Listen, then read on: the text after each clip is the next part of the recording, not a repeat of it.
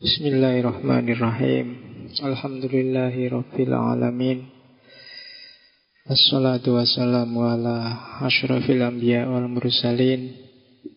Habibina wa syafi'ina sayyidina Muhammadin wa ala alihi wa ashabihi wa man tabi'ahum bi ihsanin ila yaumiddin. Amma ba'du. Bismillah, mari kita lanjutkan ngaji kita.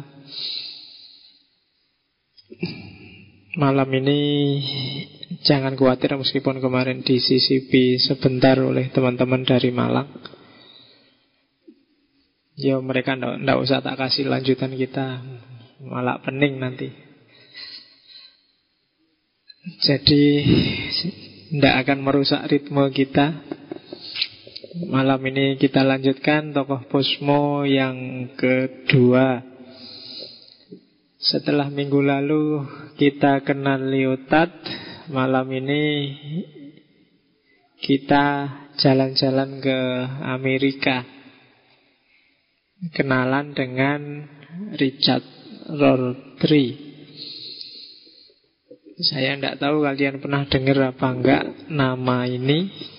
Yang belajar filsafat mesti pernah dengar.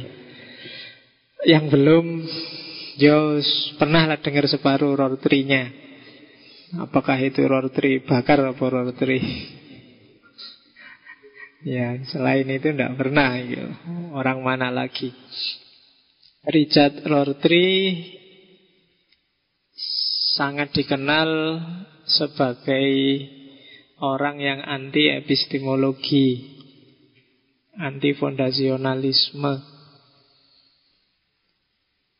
Asli orang Amerika, lahir di Amerika, hidup besar juga di Amerika. Lahir tahun 71, meninggalnya tahun 2007. Jadi lumayan hidup selama 75 tahun. Jadi meninggalnya belum lama. Kalian pasti sudah lahir tahun 2007 itu. Richard Rorty belum meninggal. Nah, jadi pikiran-pikirannya, contoh-contohnya masih update, nggak terlalu jauh dari kita. Ya meskipun tetaplah cirinya filsafat pasti ada, yaitu kalau membaca bukunya mesti pening. Itu wajar, tidak apa-apa. Ketika kalian merasa bening dan bingung itu berarti sudah ada usahanya. Tenang aja nanti dibantu oleh Allah kalau ada usahanya. Karena Allah kan nggak lihat hasilnya. Hasil kan urusannya Allah. Yang penting kita usaha baca, urusan paham dan nggak paham ya nunggu ilhamnya kan gitu aja. Oke, hidupnya lurus, normal dari keluarga kiri, kiri dalam tanda petik. Jadi anti Biasanya kiri itu kan cenderung cara berpikir Marxisme. Suka dengan ide-ide seperti pembebasan, kebebasan, liberalisme dan yang jenis itu. Terus dosen, profesor, doktor Dia punya tiga buku yang sangat terkenal Yaitu Philosophy and the Mirror of Nature. Yang kedua Consequences of Pragmatism dan yang ketiga, kontingensi, ironi, solidarity. Rorty dikenal sebagai tokoh yang mempromosikan pragmatisme dan karena pikiran-pikirannya juga tidak sama persis 100% dengan pragmatisme dia sering disebut sebagai neo pragmatis. Jadi pragmatisme baru. Saya lupa tidak tak kasih fotonya, tapi ya kalau di internet banyak foto tapi waktu tuanya. Waktu mudanya dia suka rambutnya agak panjang, agak gondrong. Nah, kayak si siapa? Rambutnya gondrong. Terus anu, Rortri ini termasuk anu ashabul uhdud. Suka ngerokok Ahli hisap Terus Suka naik gunung Ada yang suka naik gunung di sini Ya anggota Mapala. Terus mahasiswa paling lama. Dulu saya gitu kalau Mapala itu singkatannya bukan mahasiswa pecinta alam tapi mahasiswa paling lama karena nggak lulus-lulus. Suka naik gunung dan kolektor anggrek. Nah, jadi dia sangat suka anggrek. Di rumahnya hampir semua varian anggrek punya, khususnya anggrek liar karena dia nyari sendiri di gunung-gunung.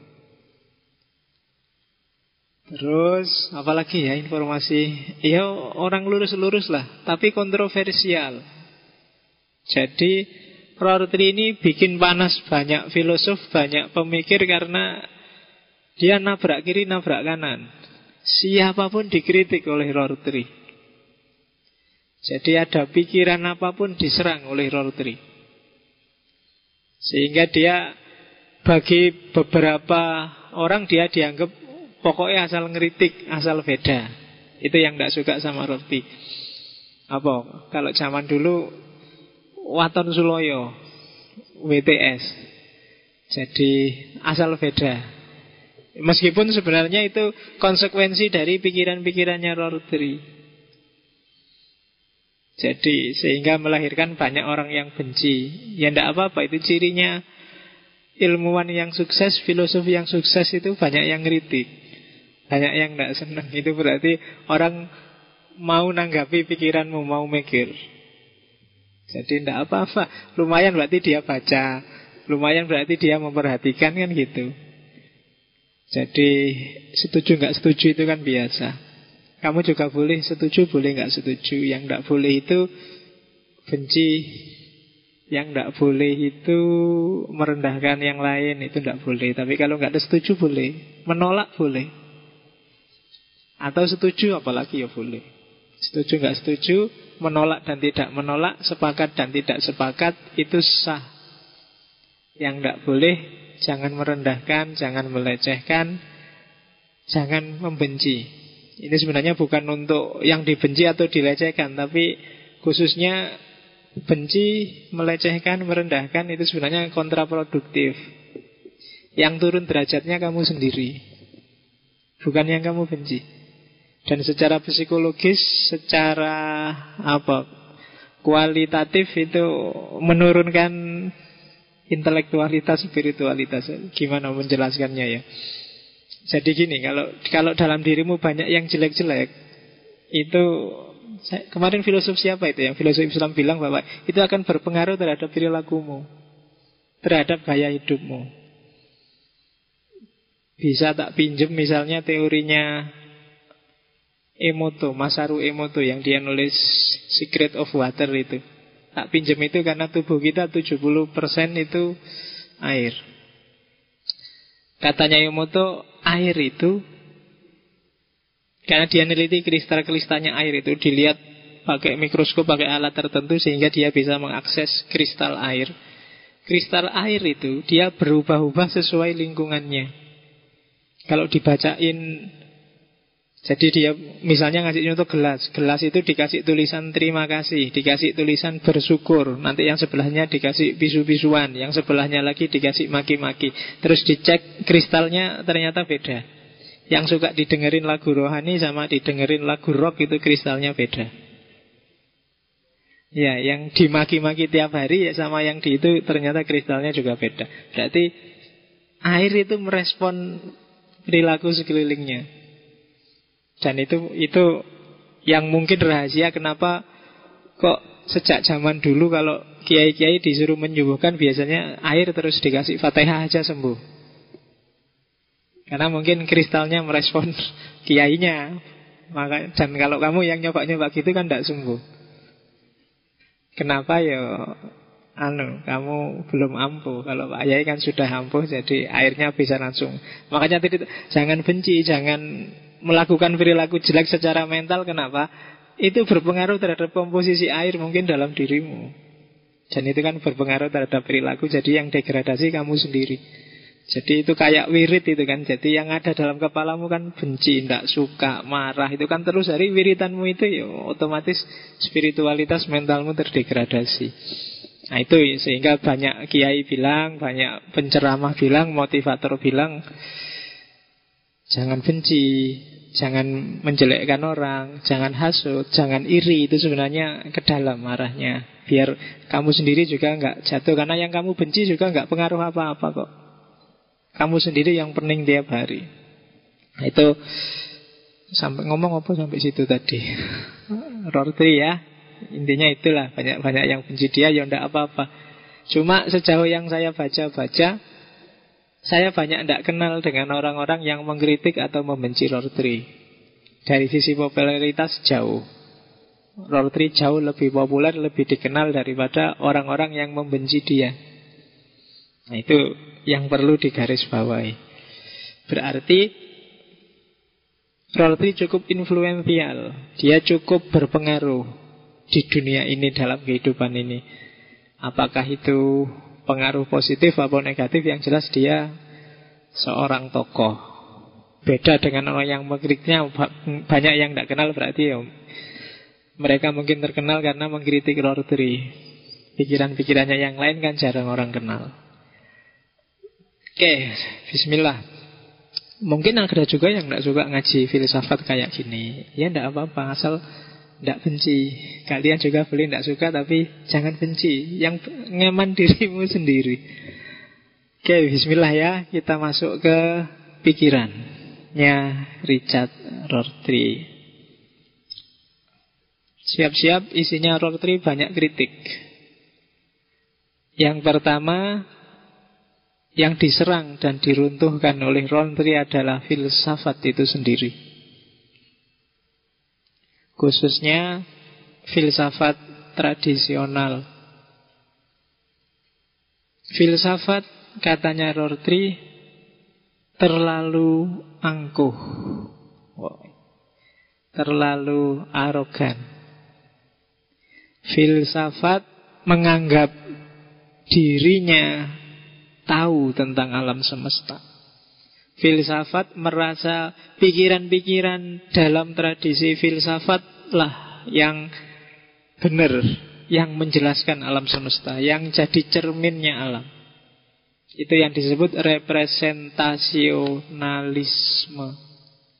Seolah-olah alam itu ya seperti yang dijelaskan oleh para filosof itu. Itu representasionalisme.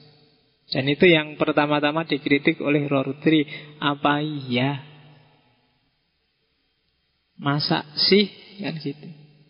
Terus filosof mana yang benar-benar representasi alam itu? Wong pikiran filosof-filosof itu kan sejak kita belajar sesi pertama sampai hari ini sesi mungkin nyampe 60 kan ya mau macem-macem.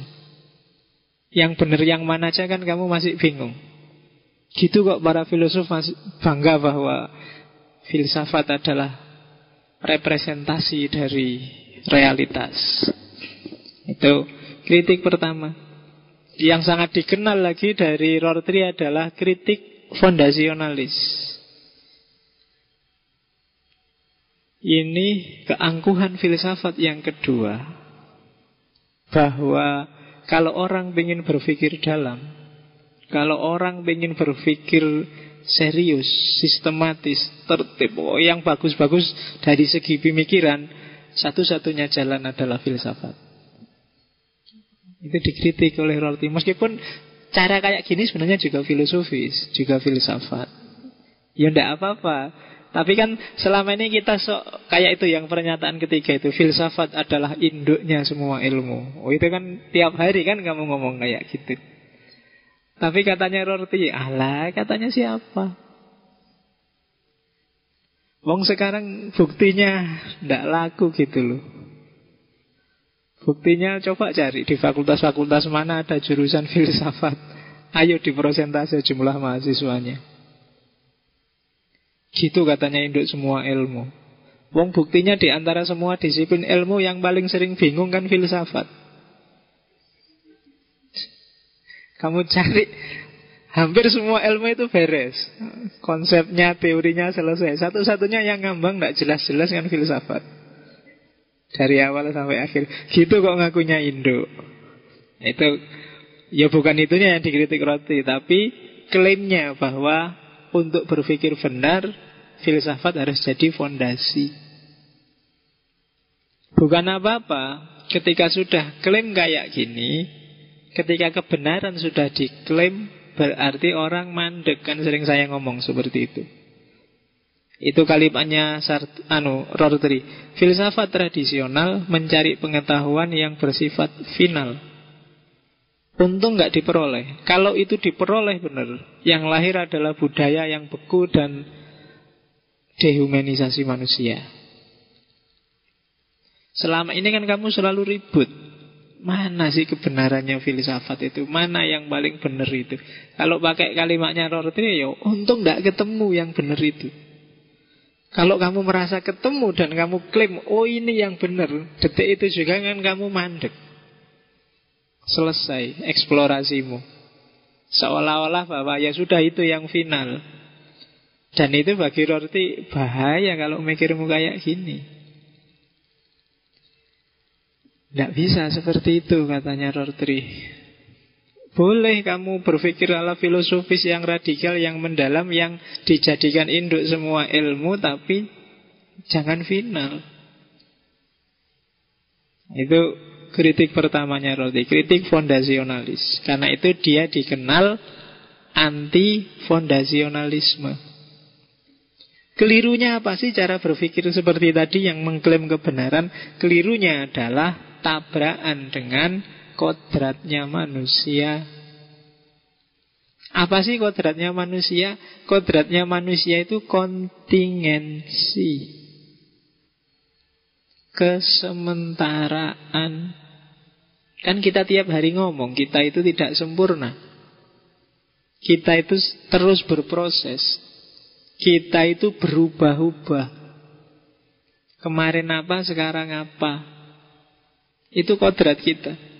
Maka kebenaran yang kita tangkap hari ini itu kan kebenaran sejauh kesementaraan kita hari ini. Sejauh kontingensi kita hari ini. Mungkin besok berubah. Oleh karena itu manusia jangan berhenti. Justru dia harus mengasah kepekaan untuk memahami dirinya yang sementara. Kalau tidak gitu dia stagnan. Dia mandek. Harus berproses terus. Makanya pahami terus dirimu. Memahami diri itu proses yang tidak ada selesainya. Jangan mandek. Ah sudah pak, sudah ketemu dulu pertemuan keberapa saya disuruh refleksi sekarang ketemu saya itu kayak gini. Iya ketemu sekarang. Mikir lagi karena kamu pasti berubah. Jadi proses memahami diri itu proses yang tidak ada selesainya. Bukan karena tidak nyampe Tapi karena objeknya berubah terus. Kita itu kan berubah terus. Kemarin apa, sekarang apa? Dulu kesannya ngaji filsafat apa, sekarang apa? Dulu sebelum ngaji Nganggapnya filsafat itu kayak gimana? Setelah ngerti, oh kayak gitu aja tuh berubah. Mungkin besok tidak kayak gitu lagi. Mungkin karena sudah agak paham bisa mikir sendiri beda lagi sudah. Dan seterusnya.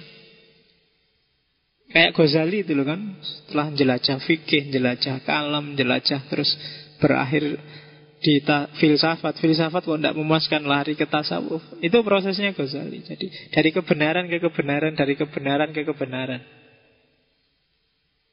Kalau tidak kayak gitu kamu mandek berhenti di satu kebenaran. Dan itu bahaya yang terjadi dehumanisasi. Jadi dirimu yang manusia kalah oleh kebenaran yang sementara yang kamu temukan itu. Dan itu yang terjadi. Banyak manifestasi hari ini itu yang terjadi dehumanisasi karena manusianya kalah.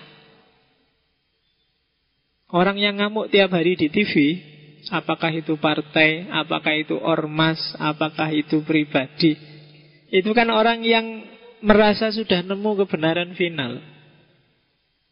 Apakah itu KIH, KMP, Abu Rizal Bakri, siapa? Agung Laksono, apakah itu Surya Dharma Ali?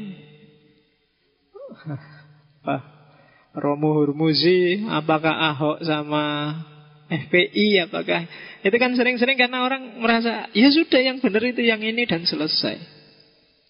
Mau dialog mesti ngasih syaratnya gini syaratnya gitu. Jadi kritiknya Rortri filsafat keliru kalau dia memposisikan diri jadi fondasi. Karena dengan dijadikan fondasi berarti dia mandek. Semua harus ala filsafat berarti dia mandek. Kalau mandek, ya lama-lama jadi otoriter.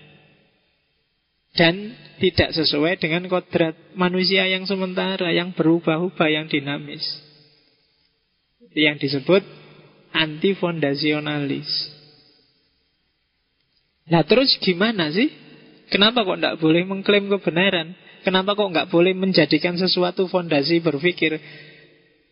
Karena begitu ada fondasi, begitu ada klaim, kita kehilangan dasar eksistensial yang paling utama dalam kehidupan kita yaitu kebebasan. Kita terlalu banyak ngasih belenggu dalam hidup kita. Kita terlalu banyak pakai topeng. Kan gitu.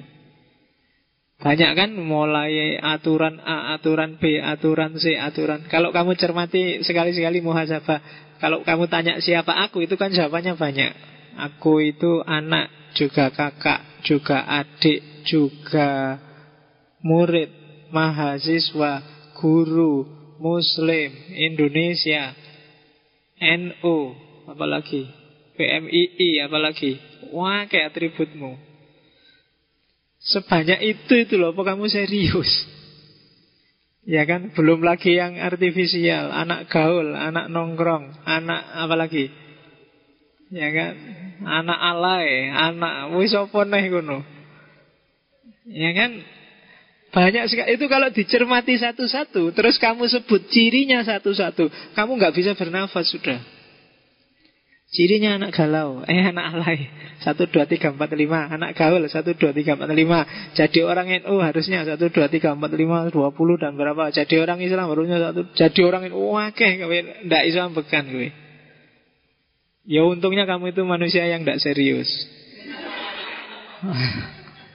iya, coba kamu serius itu pening kamu.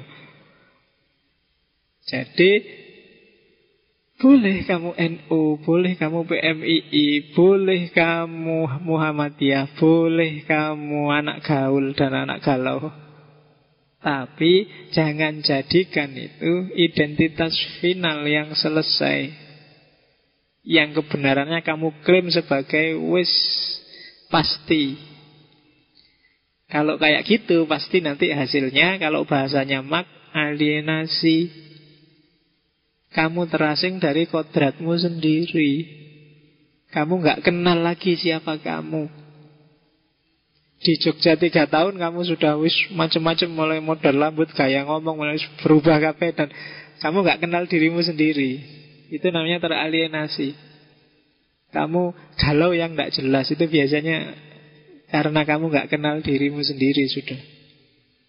Aku itu sumpek pak. Nggak tahu kenapa pak. Kalau itu berarti kamu nggak bisa memahami dirimu sendiri Kalau sudah nggak tahu kenapa itu.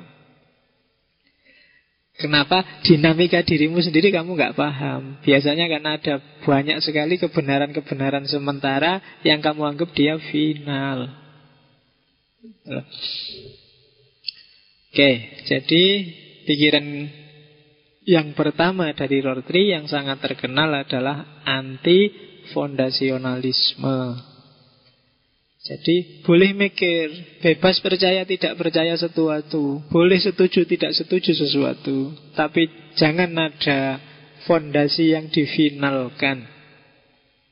Jangan ada asumsi-asumsi awal yang dianggap tidak mungkin salah. Termasuk agama. Al-Quran mungkin pasti tidak mungkin salah, tapi pemahamanmu terhadap Al-Quran sangat mungkin keliru. Nabi pasti tidak salah, dia selalu dibimbing oleh Allah, tapi penangkapanmu terhadap petunjuknya Nabi sangat mungkin tidak pas. Jangan dihentikan. Pahami terus, semakin perluas terus ilmumu, jangan cukup dengan satu dua dalil. Kadang-kadang kita kan agak tidak fair. Dalil pun kita milih-milih sesuai ideologi. Ya kan? Yang Jabariyah ngambil dalil-dalil yang Jabariyah. Yang Qadariyah, yang liberal ngambil dalil-dalil yang liberal. Kita milih. Dan kita anggap, ya itu yang paling benar sudah. Karena kita membatasi diri sendiri dan membelenggu kebebasan kita sendiri. Oke. Nah, antifondasionalisme membuat Rorty mengkritik filsafat tradisional. Filsafat selama ini katanya Rorty Meskipun ada yang anti subjektivitas, tapi hampir semua modusnya adalah modus objektif. Kebanyakan tidak suka objektif ngomongnya. Tapi dalam prakteknya hampir semuanya sifatnya objektif. Pingin diakui benar. Pingin pikirannya diberlakukan untuk semuanya. Itu yang dikritik oleh Rorty. Hidup ini tidak pasti, serba tergantung. Itu kan subjektif. Tapi diam-diam para filosof inginnya ideku ini harus universal, harus objektif. Semua orang harus percaya dan mengakui itu. Hampir semua filsafat tradisional gayanya kayak gini. Bahkan hampir semua filosof kepingin gagasannya disetujui secara objektif. Oh ini sumber keangkuhan intelektual. Katanya Rorty. Hari ini kan kamu lihat. Banyak ilmuwan yang angkuh. Orang sombong itu paling gampang dari sisi ilmu. Merasa ngerti, merasa pinter. Kalau orang kaya yang bisa sombong oh, tentang harta yang bisa sombong kan cuma yang kaya, yang miskin agak susah. Ya kan? Tapi urusan ngerti nggak ngerti itu orang nggak punya apa-apa tetap bisa sombong. Kamu sarjana S3 berhadapan dengan petani. Petaninya itu masih bisa sombong. Eh, Sampai ilmu ini ilmu kampus Betul sama ilmu sini. Ini saya bisa sombong. Saya bisa bangga. Jadi jebakan intelektualitas itu Paling mungkin bikin kita sombong. Dan itu kan yang kita pamerkan tiap hari Di status-statusmu itu. Merasa tahu Merasa ngerti Merasa pinter Merasa MC kuis Penyakit Oke. Dan itu jangankan oleh agama Wong Rortri yang Amerika aja ngeritik. Jadi desire for objectivity. Kamu pinginnya semua orang setuju, pinginnya semua nge-like statusmu. Yang tidak like kamu anggap tidak paham. Nah, ya itu termasuk keangkuhan intelektual. Iya, ketika orang angkuh dia pasti mandek sudah. Selesai, dianggapnya itu yang benar. Maka Rorty lebih cenderung mengadopsi pragmatisme secara teoritis. Karena pragmatisme, katanya Rorty, enggak, dia tidak mimpi objektif kok. Dia cuma berhasrat untuk solider, desire for solidarity. Solidaritas nanti termasuk gagasan besarnya Rorty. Setiap orang pegang kebenarannya sendiri-sendiri. Maka kuncinya bukan nyari mana yang paling benar. Tapi bagaimana kita membangun solidaritas antar kebenaran. Kalau orang tidak kuat, tidak bisa menjalin solidaritas, ya hasilnya mesti dunia rusak. Konflik, tempur, gegeran yang tidak selesai. Karena dia merasa miliknya benar, yang lain salah. Saya juga merasa milikku benar, yang lain salah. Ya breng akhirnya. Kegeran. Eh. Jadi bukan desire for objectivity, tapi desire for solidarity. Tidak usah nyari fondasi yang kuat-kuat, nggak usah nyari gimana gagasan yang tidak mungkin salah, tidak usah kebenaranmu selama ini yakinilah tapi tetap kamu harus bisa solider, bisa toleran terhadap orang lain yang punya kebenaran yang berbeda. Oke.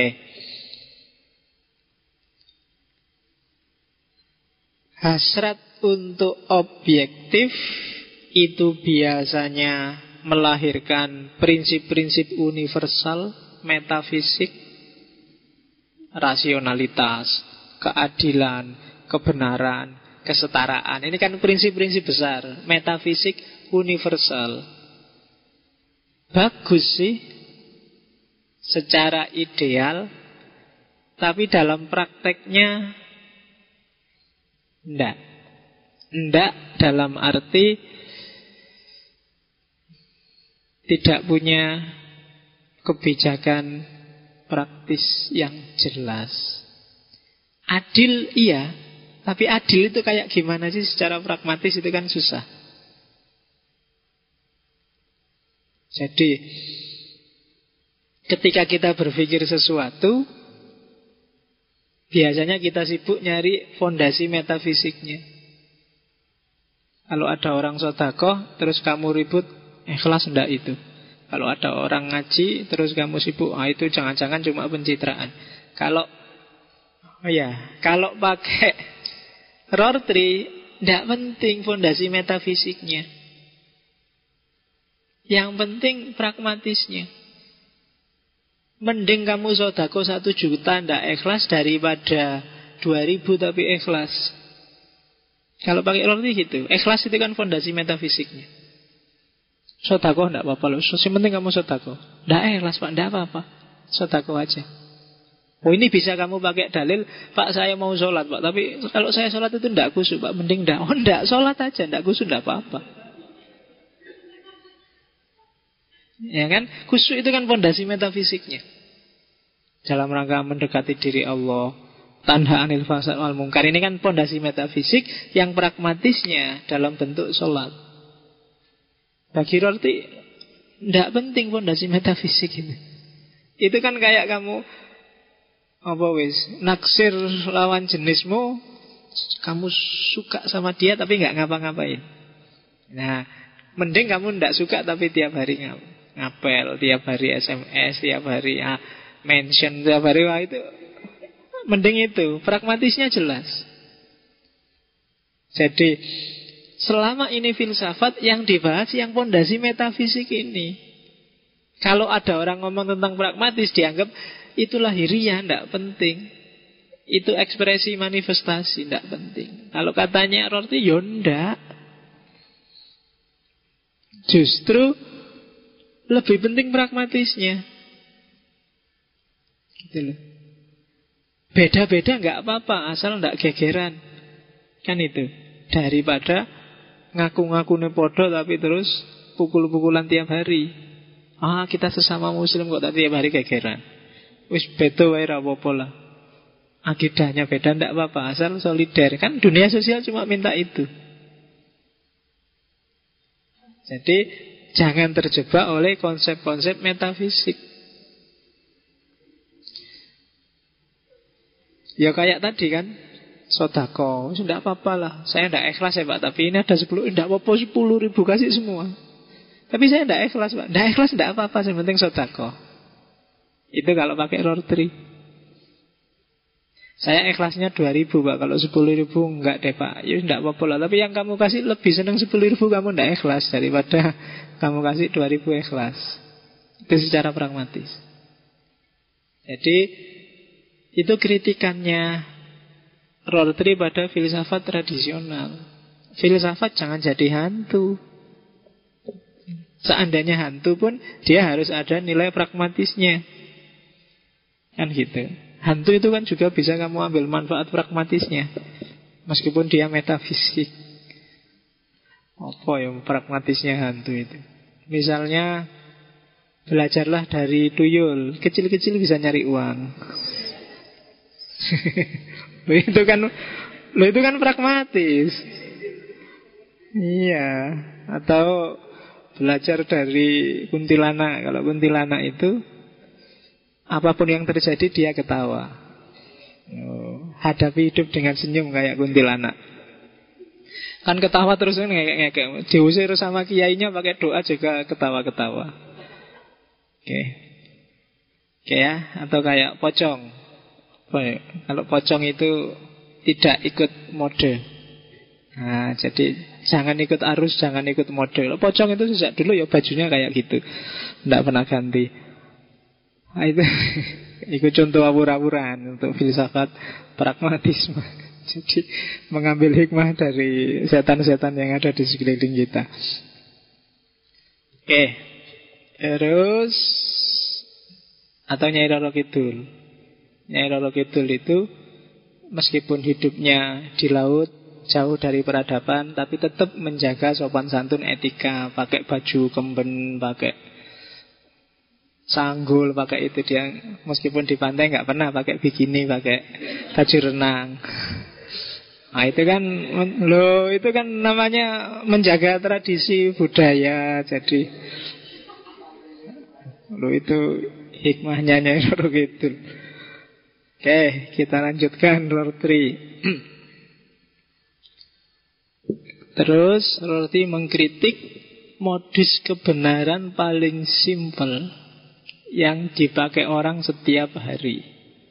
Kebenaran rasional yaitu kebenaran korespondensi.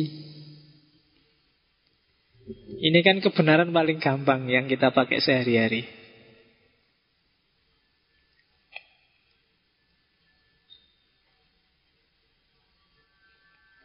Kebenaran korespondensi itu kesesuaian antara pernyataan dengan fakta kan itu kemarin. Teh ini manis, pernyataanku teh ini manis. Faktanya terus kamu cek manis nggak sih terus tehnya kamu minum. Dan kamu sebut kalau manis terus kamu sebut oh iya itu benar. Kalau nggak manis terus kamu sebut keliru kan itu. Itu kan kebenaran pragmatis. Indonesia sedang krisis, Indonesia sedang rusak. Itu kan pernyataan. Terus kamu lihat faktanya, oh iya Pak krisis Pak. BBM naik, rakyatnya bingung semua atau itu kan kebenaran korespondensi. Katanya Rortri, cara berpikir koresponden yang seperti ini itu keliru. Tidak bisa kebenaran itu dicek secara korespon. Kenapa? Karena tidak mungkin kita mencari kesesuaian antara bahasa dan fakta. Pernyataan itu kan bahasa. Sementara tehnya ini fakta.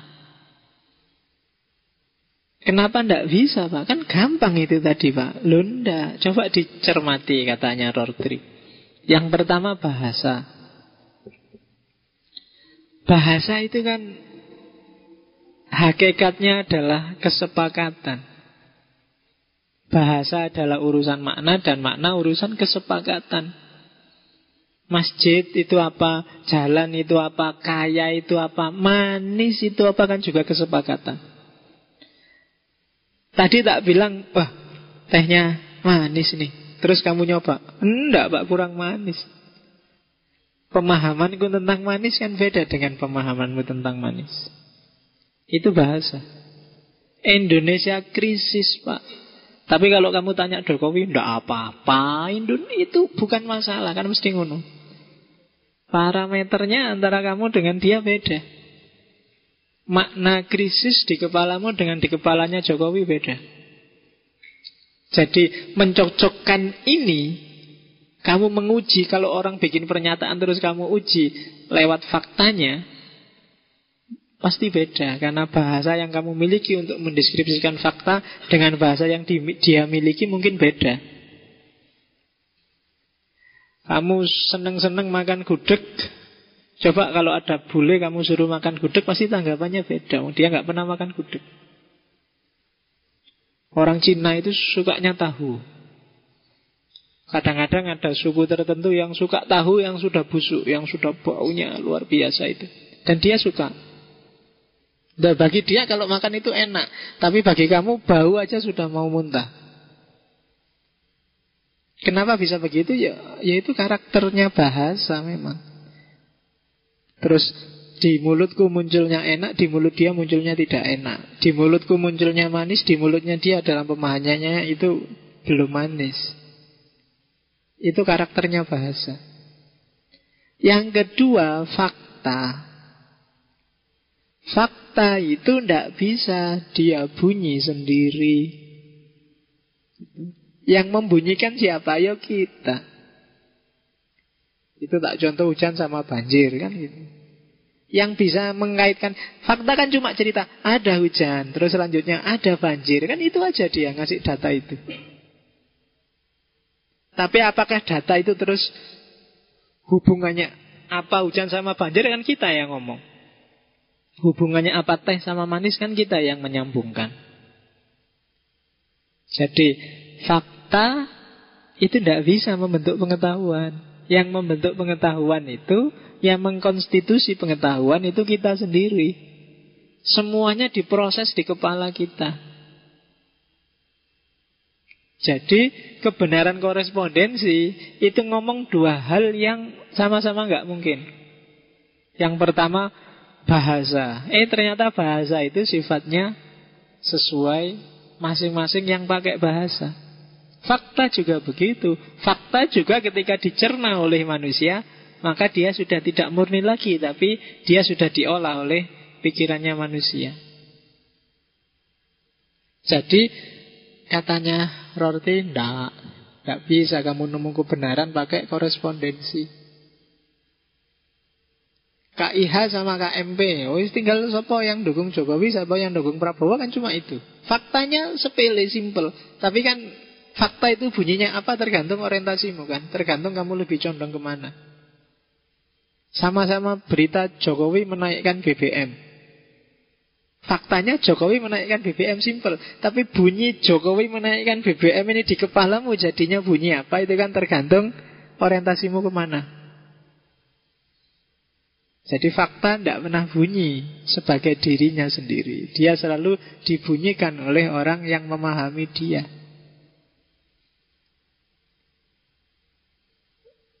Misalnya, kamu jalan-jalan di luar, ada orang yang dahinya hitam. Ini contoh, ini yang biasanya sering jadi contoh yang sering kamu bunyikan agak negatif itu kan, uh, baduk hitam mesti. Nah, bagi orang tertentu, wah, ini rajin sholat mesti.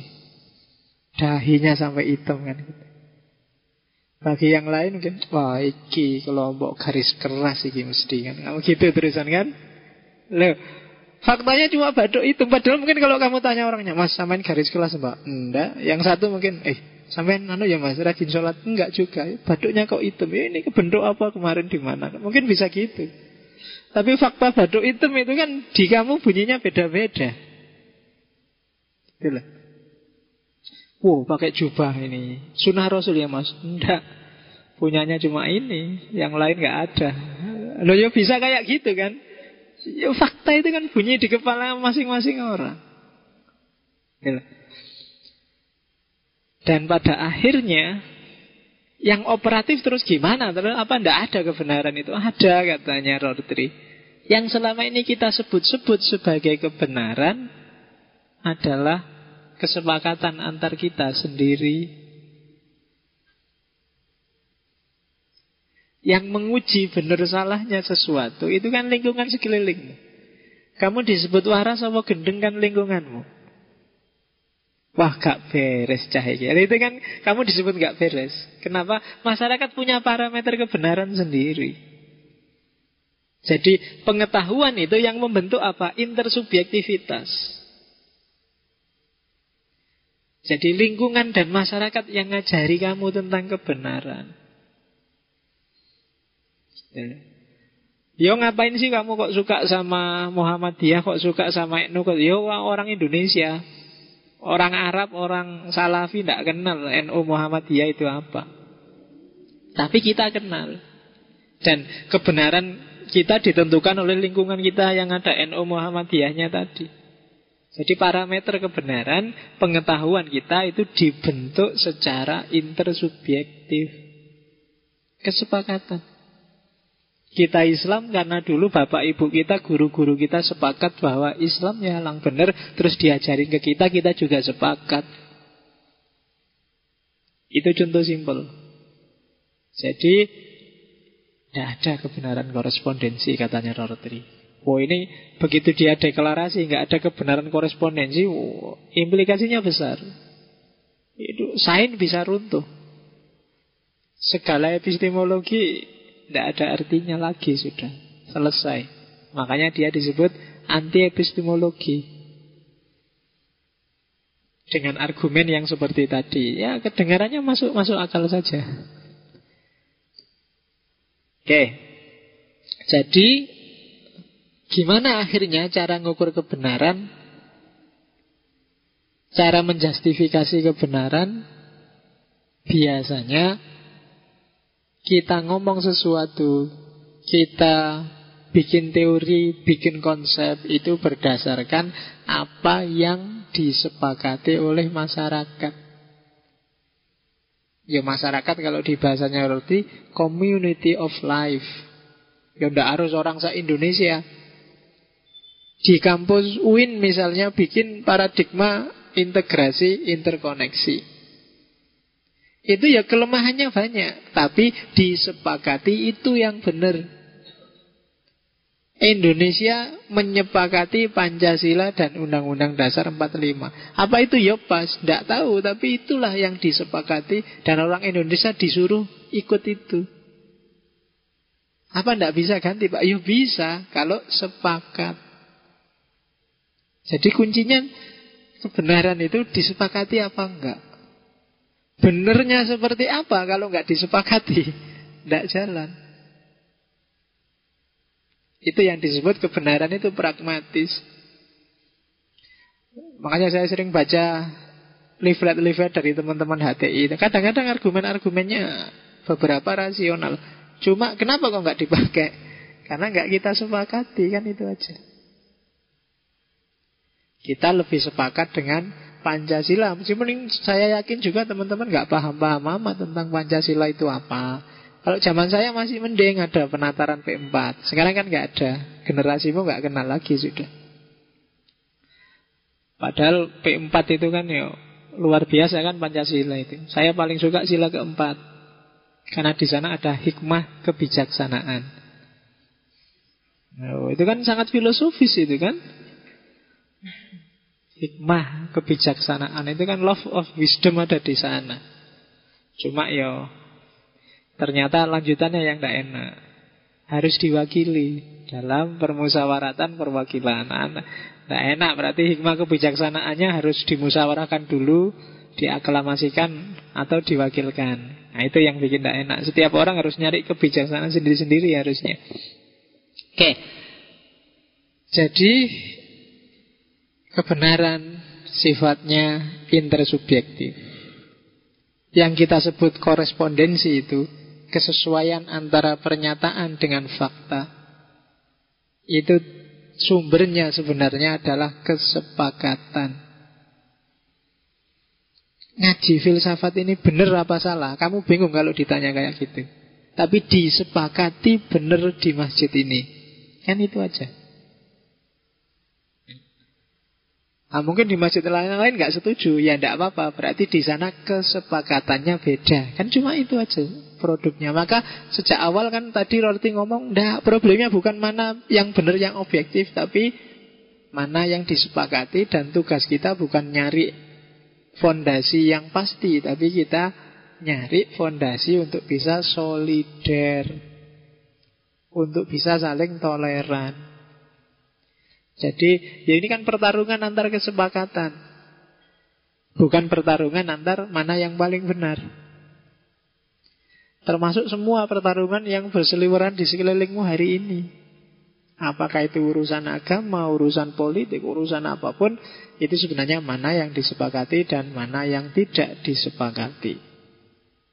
Oke, karena itu menurut Rortri, epistemologi selesai tugasnya. Kita tidak butuh epistemologi. Epistemologi itu menyesatkan. Dia kaku, dogmatis, bahkan bisa jadi ideologis.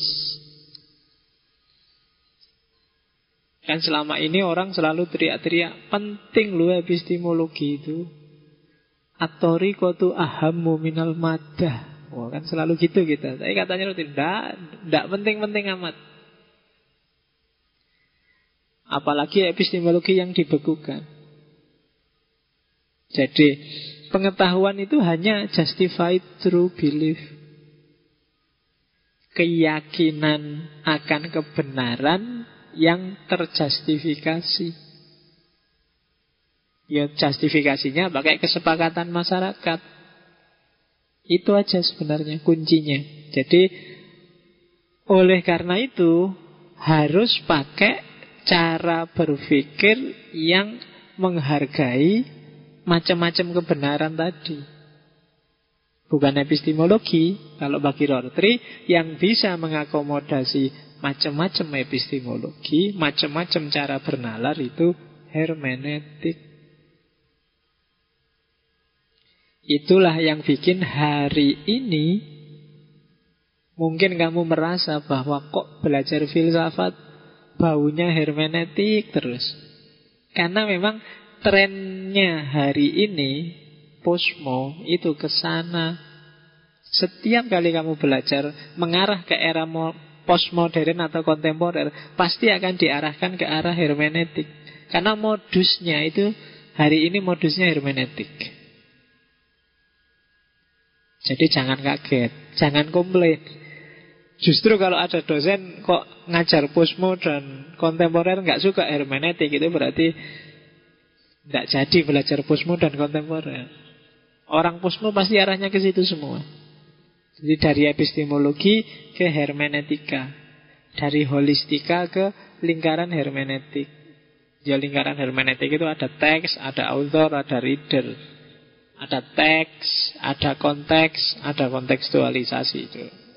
Triadik-triadiknya yang sifatnya melingkar.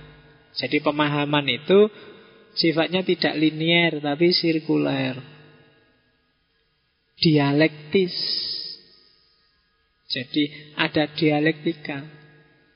Pernyataan itu dia tidak berdiri objektif, tapi siapa yang ngomong, dalam konteks apa dia ngomong, untuk tujuan apa dia ngomong itu ikut menentukan. Makanya nanti Rorty punya gagasan bahwa hermeneutika kalau dibandingkan dengan epistemologi itu mirip wacana normal dan wacana abnormal. Epistemologi itu sifatnya objektif, kalau hermeneutik sifatnya dialektis. Kenapa disebut wacana normal? Orang yang menggunakan epistemologi berarti dia terlibat di sana.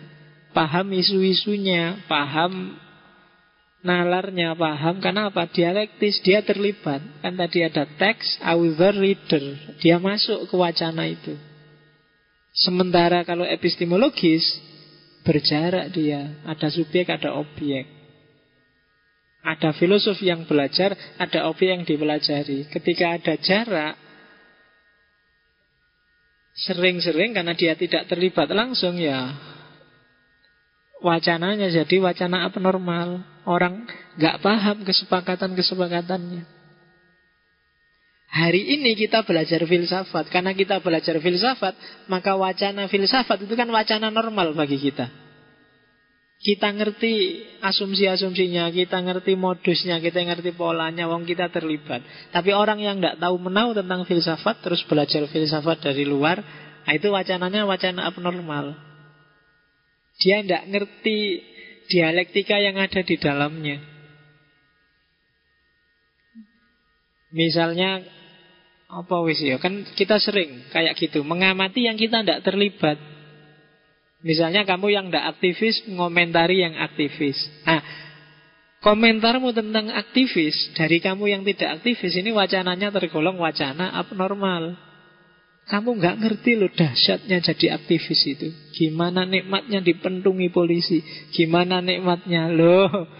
Ya kan kamu bisanya cuma komentar. Enak itu coba rasakan. Agak empuk-empuk gimana gitu.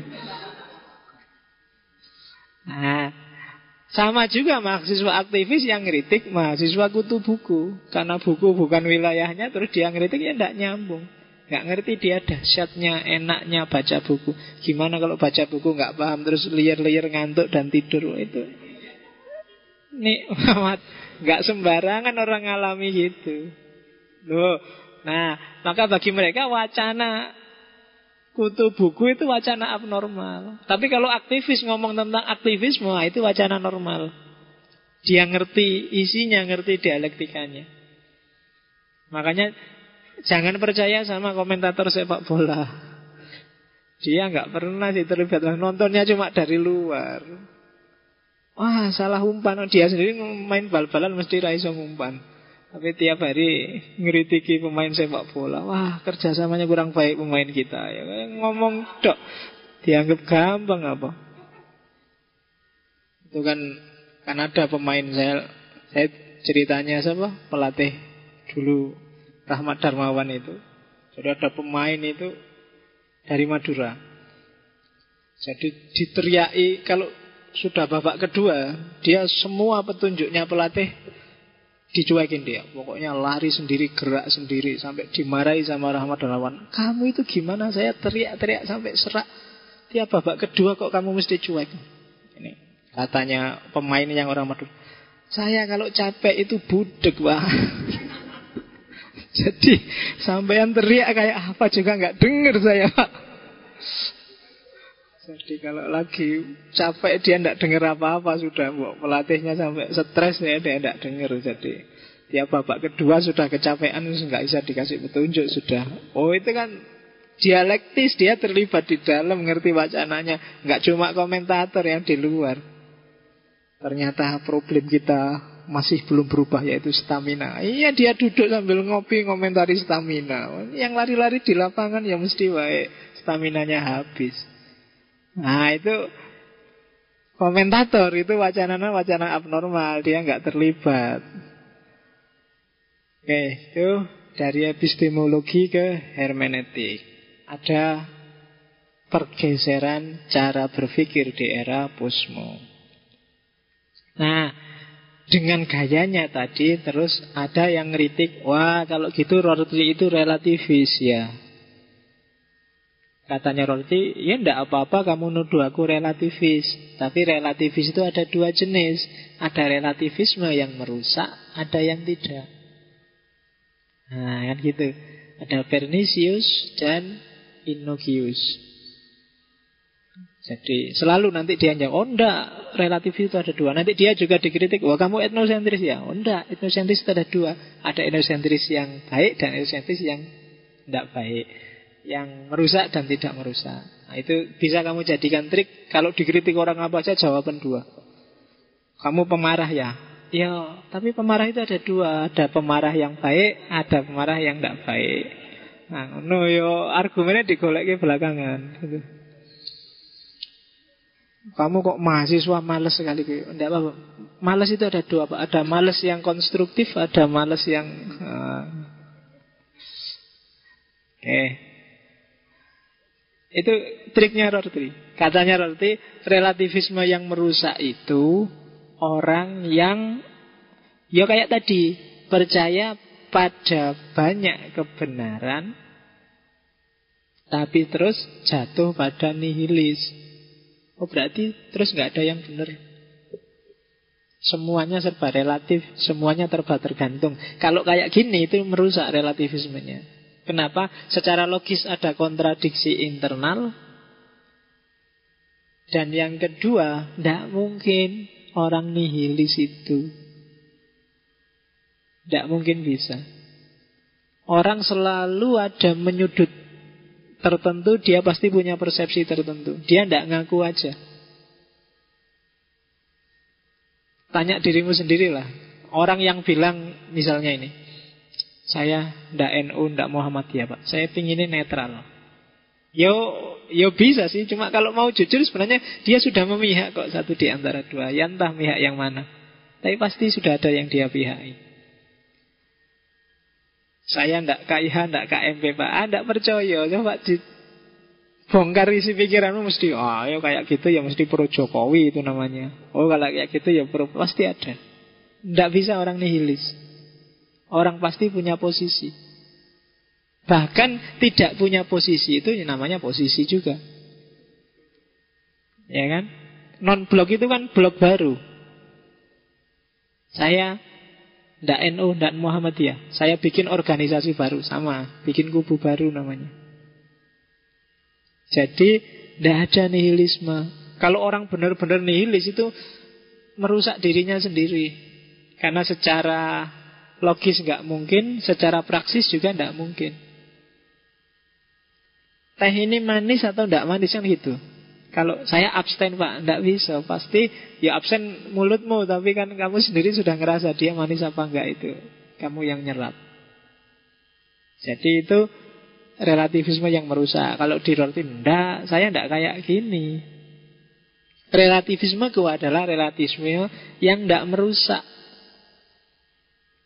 Relativisme yang tidak merusak itu Aku yakin Yang tak anggap benar Hari ini itu benar Tapi kebenaran yang tak yakini benar ini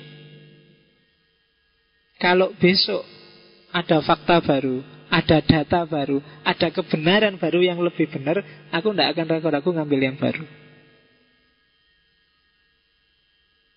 Jadi kebenarannya selalu digantung. Digantung dalam arti menurutku ini benar sekarang saat ini sejauh yang aku tahu.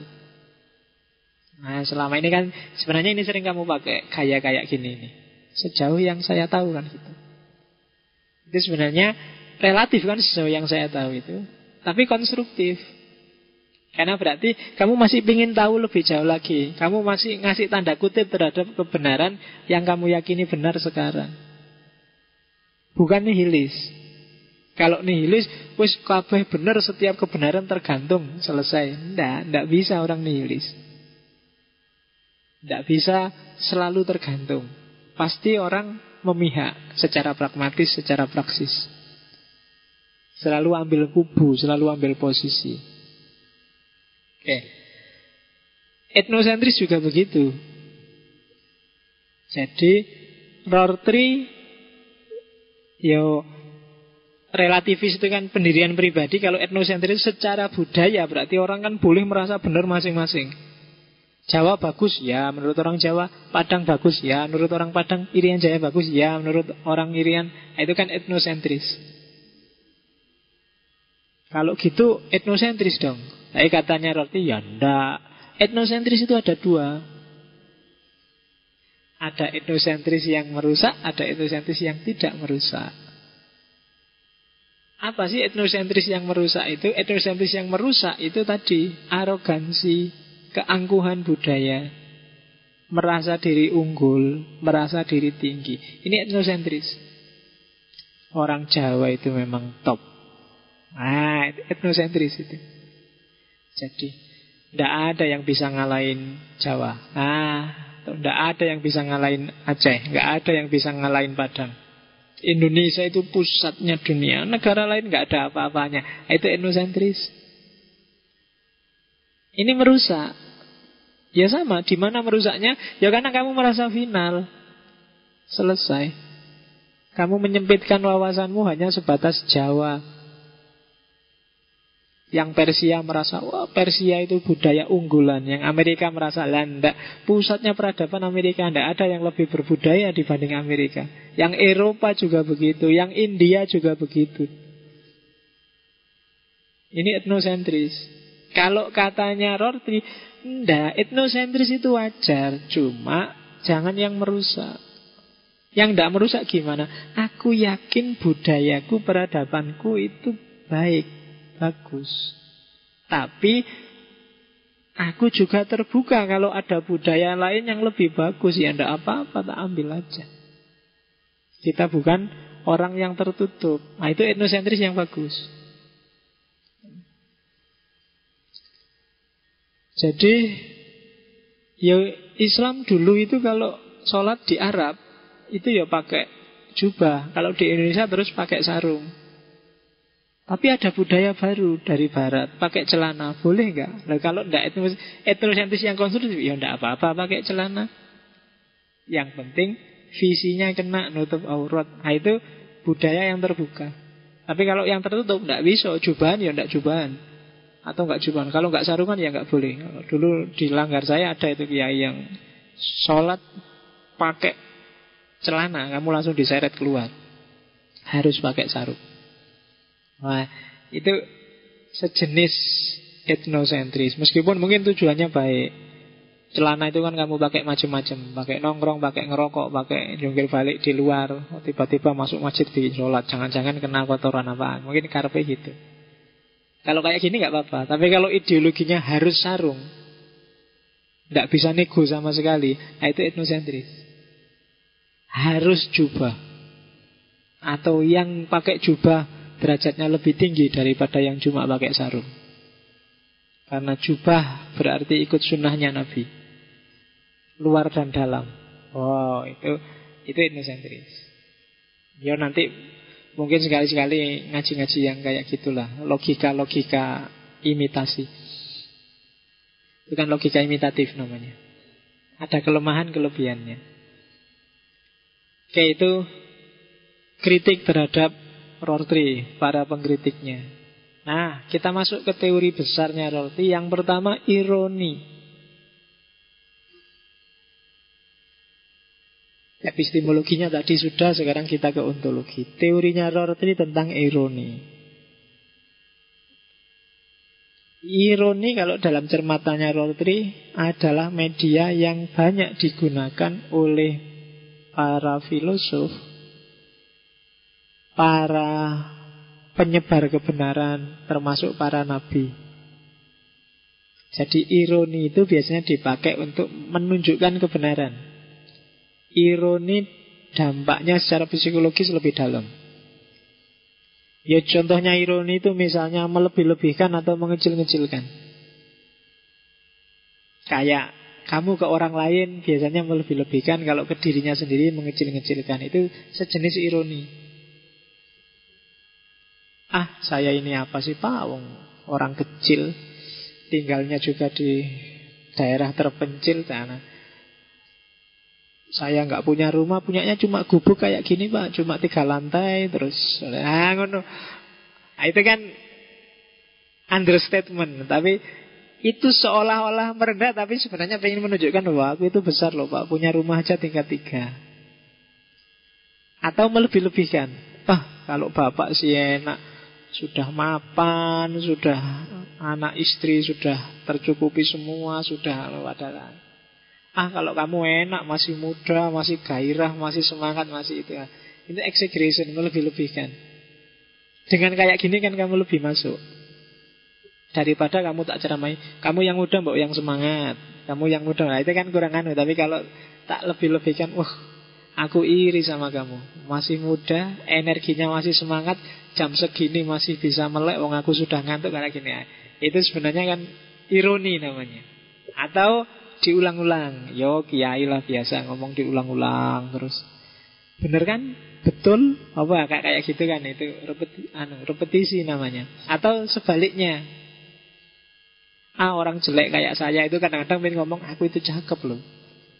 Atau saya itu ngerti apa sih Pak wong anu. Itu sebenarnya kadang-kadang dia pingin efek yang sebaliknya. Pingin orang terus balesnya sebaliknya. Ah enggak kamu itu sudah bagus kok kadang-kadang gitu. Itu ironi. Hati-hati dengan gaya bahasa ironi Kamu harus cepat tanggap Jangan kebalik. Kalau ada orang ngomong Wah saya itu apa sih pak? Iya kamu itu apa sih?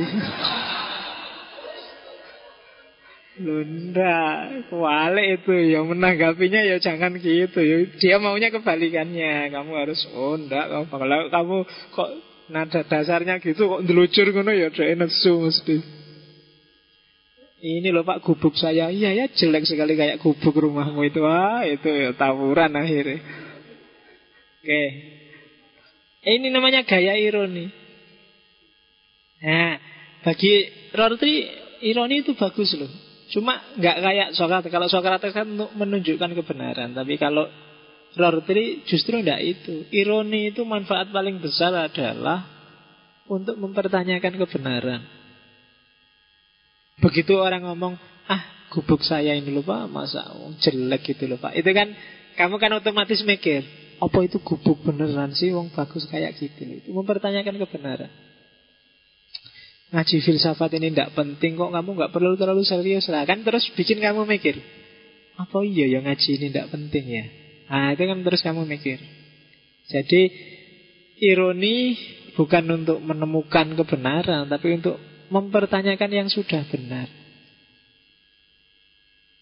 Nah, cuma nanti di Rortri karena definisi ironi ini mempertanyakan Kenapa dipertanyakan? Ya karena kebenaran itu selalu berubah dan dinamis. Maka Rortri punya istilah manusia ironis. Manusia ironis adalah manusia yang mengironi dirinya sendiri. Kalau tadi kan bahasa-bahasa ke orang lain. Manusia ironi itu manusia yang selalu tanya terhadap dirinya. Manusia yang sadar bahwa hidupku ini kontingen. Maka aku melakukan ironi ke diriku sendiri. Apa kayak gini ini sudah bagus sih? Apa yang kayak gitu itu sudah bagus sih? Apa sudah pas aku gini ini? Nah, itu manusia ironi. Oke, jadi dasarnya ironi kontingensi. Nanti nanti ironi dibahas lagi. Apa sih kontingensi itu sejak tadi ngomong kontingensi kontingensi? Kontingensi itu kesementaraan. Makanya kalau ada porseni apa olimpiade kan selalu kontingen dari Indonesia, kontingen dari Jawa Barat. Kenapa disebut kontingen? Karena sementara ngumpulnya. Kalau acaranya selesai ya bubar. Kamu boleh ini kontingen ngaji filsafat, ya enggak apa-apa. Wong ya sementara, habis ngaji ya bubar. Itu kontingensi. Hidup juga kayak gini. Kenapa hidup itu kontingensi? Karena hidup kita juga sementara. Bahkan di segala aspeknya Baik khusus maupun umum Yang umum ya hidup kita secara keseluruhan kan juga sementara Yang khusus, yang kecil-kecil kan juga sementara Dulu nggak punya rambut Terus rambutnya tumbuh Rambutmu tumbuh umur berapa? Kira-kira Balik itu umur berapa sekarang? Itu kan kontingen. Dulu nggak punya kumis, sekarang punya kumis. Terus dicukur lagi, terus tumbuh lagi, dicukur lagi. Itu namanya kumis kontingen.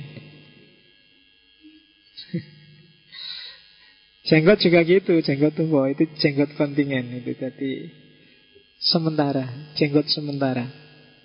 Nah, kontingensi ini yang nggak pernah dipikir oleh epistemologi. Epistemologi selalu mikirnya eksak, satu tambah satu dua.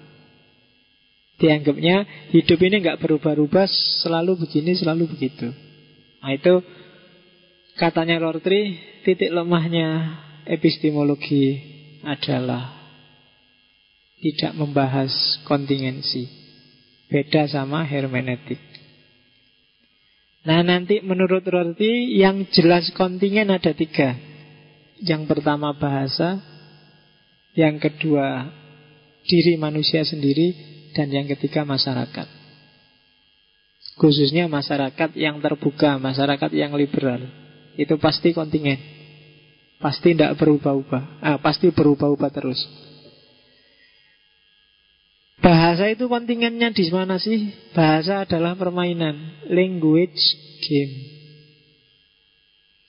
Bahasa itu bukan gajah adalah binatang berkaki empat yang punya belalai yang tidak gajah itu bisa macam-macam definisinya sesuai penggunaannya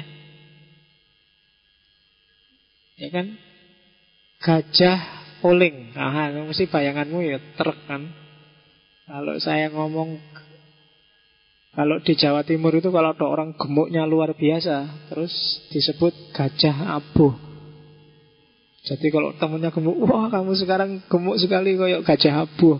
Nah itu gajah itu kan. Jadi meskipun nggak ada belalainya disebut gajah. Oh itu kan language game. Kuliah, kuliah kalau di kampus kan ya masuk kelas. Tapi kalau di masjid kan nggak. Kuliah subuh. Nah itu kan nggak pakai dosen juga nggak apa-apa. Adanya kiai sama jamaah subuh. Kalau di masjid ngantuk tidak apa-apa, kalau di kampus ngantuk, wah nggak apa-apa dosen tertentu. Saya dulu zaman S1 kalau ngantuk ada dosen yang, eh ngantuk keluar wudhu dulu, wah disuruh wudhu. Begitu masuk lagi habis wudhu berdoa dulu, waduh sebelum belajar. Tapi unik dosen dosen-dosen dulu itu kan khas. Ada yang masuk kelas bawa buku catatan terus mendikte. cek dikte terus. Oh itu padahal dan nggak lihat ke sana sama sekali. Jadi itu teman-teman pada giliran ada yang masuk, ada yang keluar, cuek aja pokoknya dikte terus. Itu dahsyatnya kuliah zaman dulu. Tidak kayak sekarang. Oke. Dan kenapa sih dia game? Ya karena lahirnya di tengah masyarakat. Penggunaannya macam-macam. Kadang-kadang kata-katanya sama, konotasinya beragam. Di Jawa Timur itu mesuh itu menjadi modus keakraban. Tidak cuma modus kebencian, nggak cuma modus kekesalan. Kamu kemarin saya ketemu teman dari Surabaya itu baru nyampe sini. Ha, isi urip aja mesti Yang yang nggak anu mesti kaget. Wah, mesuh. Tidak apa-apa. Ternyata bisuan itu simbol keakraban, bukan simbol kemarahan, bukan simbol kekesalan. Nah, itu language game. Maka bahasa kontingen dia dibentuk oleh masyarakat, ditanamkan di kepala kita dan dunia ini kita pahami sesuai dengan bahasa yang ditanamkan di kepala kita itu. Jadi cara melihat realitas itu berdasarkan kategori-kategori bahasa dan konotasinya yang ditanamkan oleh masyarakat sekelilingmu. Misalnya kiai misalnya. Omong kalau di Jawa Timur kiai tidak boleh kayak gini ngaji tidak pakai kopiah, tidak pakai serban, wah kurang afdol. Afdolnya kiai ngaji ya pakai kopiah, pakai serban, pakai itu. Kenapa kok saya nggak pakai? Ya karena saya ngerti lah, audiennya cuma kamu aja kok. Nanti kamu kalau aku pakai serban ke sini malah sungkan ngaji. Ben ngene wae kaya ngobrol.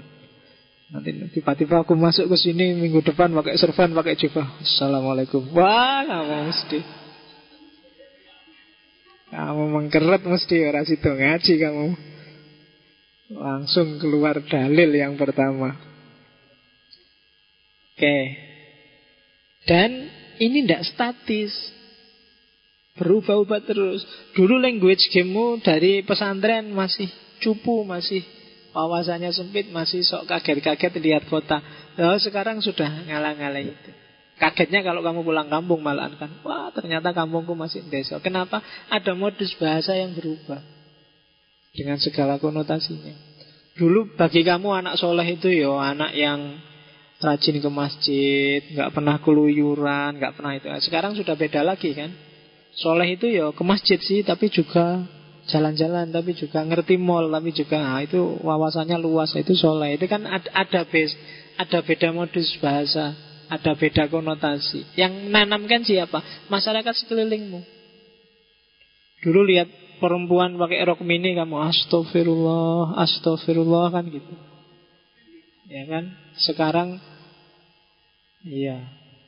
Subhanallah. Alhamdulillah. Kalau lebih terbuka lagi, Allahu Akbar. Ya. Lah kok Allahu Akbar Pak? Karena biasanya kalau habis Allahu Akbar itu kan langsung serbu gitu. Oke. Ya, biasanya kan ngono sekarang habis Allahu Akbar itu serbu. Jadi ekspresi paling dahsyat hari ini setelah Subhanallah, Allahu Akbar, serbu. Oke.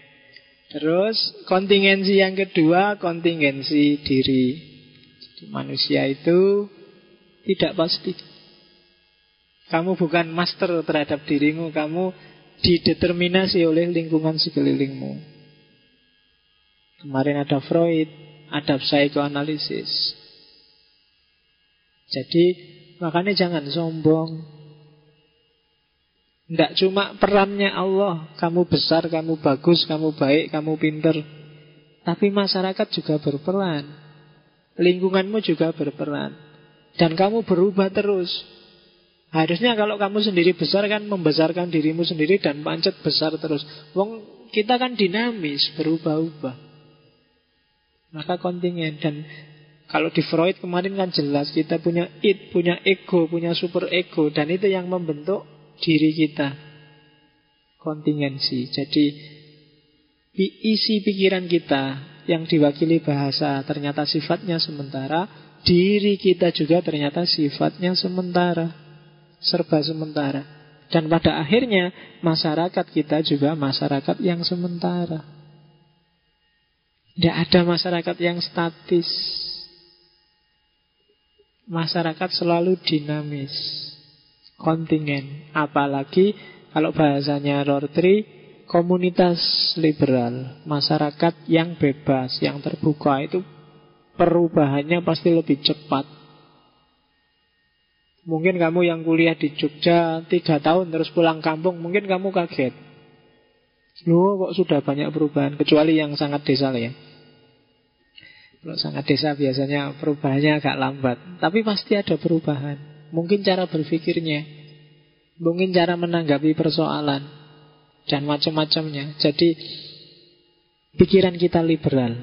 Eh, pikiran kita sementara, diri kita sementara, masyarakat kita sementara. Semuanya dinamis. Oleh karena itu, jangan mematok kebenaran. Jangan mematen pemahaman sebagai pasti sesuai untuk kapan pun dan di mana pun. Dan Kunci hidup kita ada di sini. Final vocabularies. Final vocabularies itu keyakinan-keyakinan puncak kita. Kata-kata final. Boleh, pasti orang tidak bisa lepas dari final vocabulary. Tapi bedanya orang dulu sama sekarang Orang dulu nggak sadar bahwa final vocabulary itu sementara sifatnya. Orang sekarang harusnya lebih sadar. Final vocabulary itu teori, konsep, pernyataan, prinsip hidup, filosofi hidup itu final vocabulary. Setiap orang pasti punya. Kalau ada orang ngomong setiap orang filosof, kalau di bahasanya Rorty, setiap orang pasti punya final vocabularies. Kamu punya seperangkat teori, seperangkat prinsip yang kamu anggap pasti benar ini. Nggak mungkin salah. Itu final vocabulary.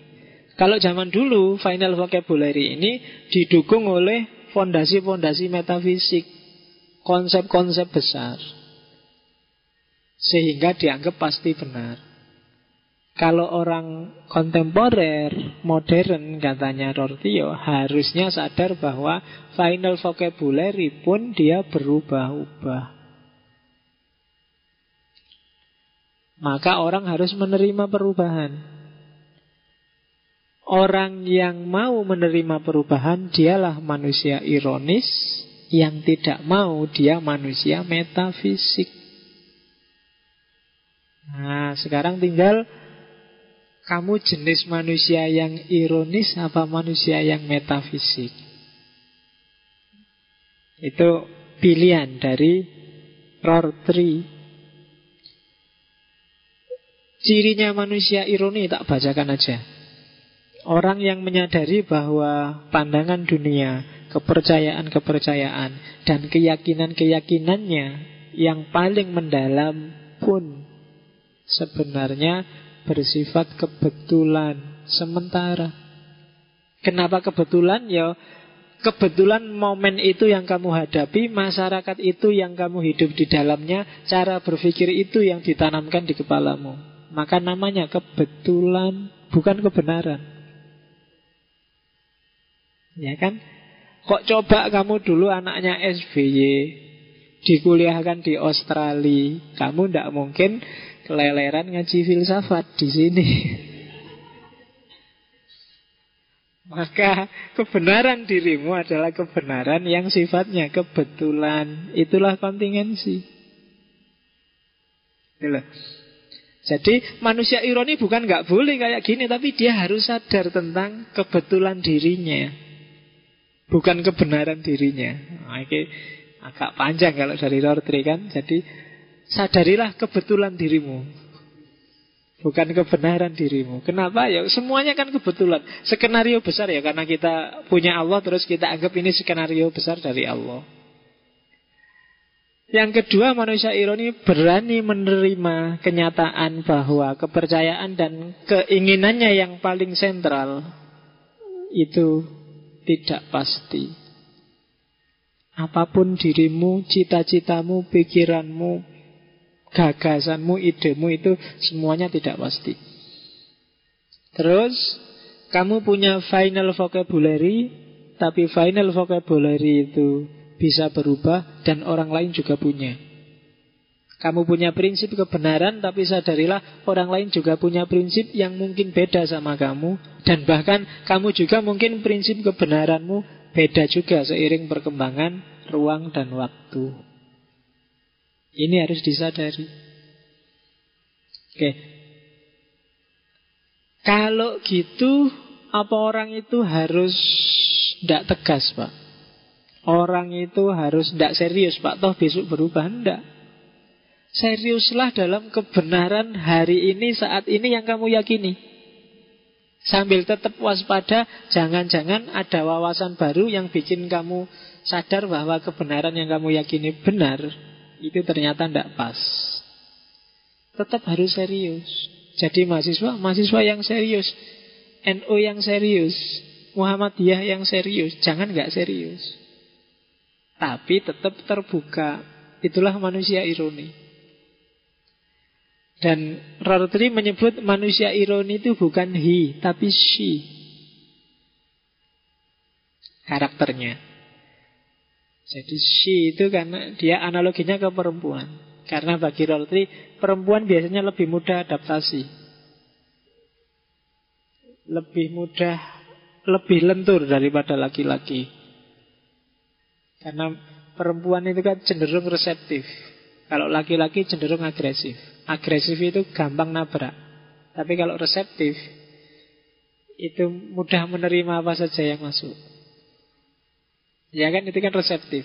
Jadi menerima, selalu menyerap, reseptif. Makanya ada namanya hermeneutika resepsi. Berarti apa? Hermeneutika resepsi itu berarti kebenaran jangan dicari di luar, tapi serap ke dalam dirimu, olah versimu. Itu kebenaran reseptif. Itu yang kalau di Indonesia terus kalau kamu kawin ada resepsi. Itu kan artinya juga menyerap. Menyerap uangnya yang diundang. Ya makanya kan disebut resepsi itu kan Jadi undangannya suruh ngasih duit Makanya besok kalau kamu kawin Jangan pakai istilah resepsi deh apa Walimah juga tidak apa-apa jangan Resepsi pernikahan ya. Karena resepsi itu resep Menyerap Jadi Ya kalau ingin dapat banyak sih tidak apa-apa pakai resepsi. Nah, lawannya manusia ironi itu manusia metafisik. Jadi manusia metafisik itu biasanya yang ditanyakan apa hakikatnya? Apa kebenaran itu? Mana eksistensi? Mana esensi? Apa hubungannya etika sama iman? Apa pokoknya sing objektif objektif dan besar-besar. Itu manusia metafisik. agama. Pokoknya wacana-wacana besar universal yang tidak tegas jawabannya, tidak jelas praksisnya. Itu disebut manusia metafisik. Ya jawabannya ya tidak jelas. Maka jangan terjebak dengan metafisika. Kan banyak kan di antara kita yang sering kalau ngomong pakai wacana-wacana besar, wacana-wacana universal. Kalau katanya roti, ya bagus sih didengarkan, tapi nggak ada gunanya. Praksisnya nggak jelas. Jadi anak soleh, kita harus bertakwa pada Allah. Kita kadang-kadang, lah terus harus ngapain? Kita kan sering berhenti di wacana-wacana besar. Itu kalau kita sibuk tiap hari dengan ini, akhirnya kita diam, nggak gerak. Maka katanya roti, kita harus ironi. Tidak metafisik. Hidup di dunia nyata secara pragmatis. Nah, itu bedanya ini. Kalau manusia metafisik itu fokusnya mencari kebenaran. Kalau manusia ironis enggak. Bukan urusan kebenaran tapi urusan pragmatis menghindari kekeliruan melawan kekejaman. Karena bagi Rortri satu-satunya kejahatan Yang tidak bisa dicari tandingannya itu kekejaman. Orang boleh ngapain aja asal jangan kejam. Wow itu kan agak panjang itu persoalannya. Pak, tawuran boleh nggak Pak? Boleh kamu tawuran pukul-pukulan, tapi jangan kejam ya. Dan solusi etis kalau di rorti itu sebenarnya satu. Moralitas akan beres kalau orang tidak kejam. Itu aja. Berarti kalau ada orang minta-minta nggak saya kasih boleh ya Pak? Boleh, tapi itu kejam loh. Berarti saya boleh mukuli saudara saya pak Boleh, tapi itu kejam. Berarti jadi, jadi kata roti keywordnya moralitas itu satu Cruelty, kekejaman. Satu-satunya larangan yang tidak boleh itu kejam. Maka katanya roti tidak. Manusia ironis biasanya menghindari kekejaman. Caranya dua Kalau manusia metafisik pakai logika Manusia ironis pakai dialektika yang pikirannya melangit hanya pakai logika, ya hasilnya metafisik. Maka logika jangan dihentikan di logika, dia harus dialektis dengan kenyataan sehari-hari. Dia harus pragmatis. Modelnya ngeritik, gayanya metafisik, itu gaya orang membandingkan gambar dengan aslinya. Kalau gayanya manusia ironis, membandingkan gambar dengan gambar yang lain. Maksudnya apa? Biasanya orang metafisik itu ingin cari kebenaran yang sejati, ingin cari hakikat keadilan, ingin cari seolah-olah ada yang kayak gitu yang asli. Tapi kalau manusia ironis, oh adil menurut orang ini gini, adil menurut orang ini gini, adil menurut orang ini. Nah itu manusia ironis. Terus bahasa kalau manusia metafisik sifatnya realis, gajah ya binatang berkaki empat punya belalai. Kalau itu manusia metafisik. Kalau manusia ironis, nominalis. Gajah itu ya definisinya sesuai tujuan orang yang mendefinisikan gajah. Konotasi orang yang mendefinisikan gajah. Itu nominalis. Ngaji kok filsafat. Itu kan secara realis mungkin tidak nyambung. Tapi secara nominalis sangat nyambung. Itu nominalis. Kemudian etik kalau manusia metafisik, etikanya berdasarkan prinsip-prinsip universal. Kalau manusia ironis, solidaritas. Prinsip-prinsip yang disepakati bersama. Itu bedanya. Oke. Dari situlah nanti Rortri menggagas ide namanya romantic liberalism liberalisme yang romantis. Liberal tapi romantis. Susah itu kombinasinya.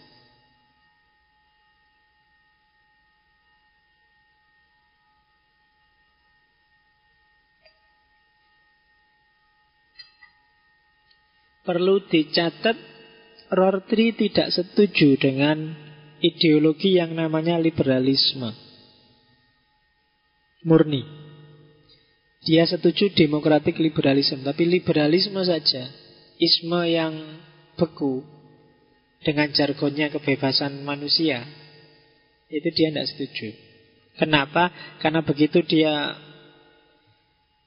digagas bahwa hakikat manusia adalah kebebasannya, terus rumusan sosial, politik, individu, psikologi dirumuskan dengan dasar ini, ini fondasionalis. Manusia itu bebas, tapi kebebasan sendiri bukan fondasi. Karena ekspresi dari kebebasan itu hakikatnya bukan sakaremu dewe, tapi mana yang disepakati oleh masyarakatmu. Makanya dia lebih setuju secara politik terhadap demokrasi liberal. Jadi liberal sih bebas, tapi sifatnya demokratis. Kalau demokratis kan berdasarkan kesepakatan, kemufakatan suara terbanyak. Jadi secara sosial dia tidak setuju negara liberal tapi setuju negara yang demokrat liberal. Saya tidak tahu demokrat di Indonesia itu demokrat liberal atau demokrat. Kalau di Indonesia itu namanya beda-beda tapi isinya podo. Cariin apa nih Demokrat karo Golkar karo PDI karo Kayak-kayaknya beda tapi janjane podo. Itu Indonesia. Ya adik ART-nya sama. Prinsip visi tersembunyinya sama. Mencari keuntungan yang sebesar-besarnya dengan usaha yang sekecil-kecilnya dan sangat ekonomis.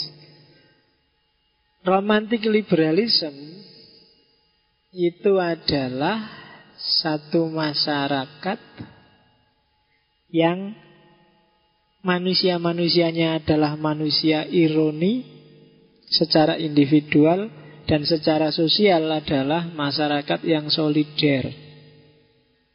Bukan masyarakat yang soliter.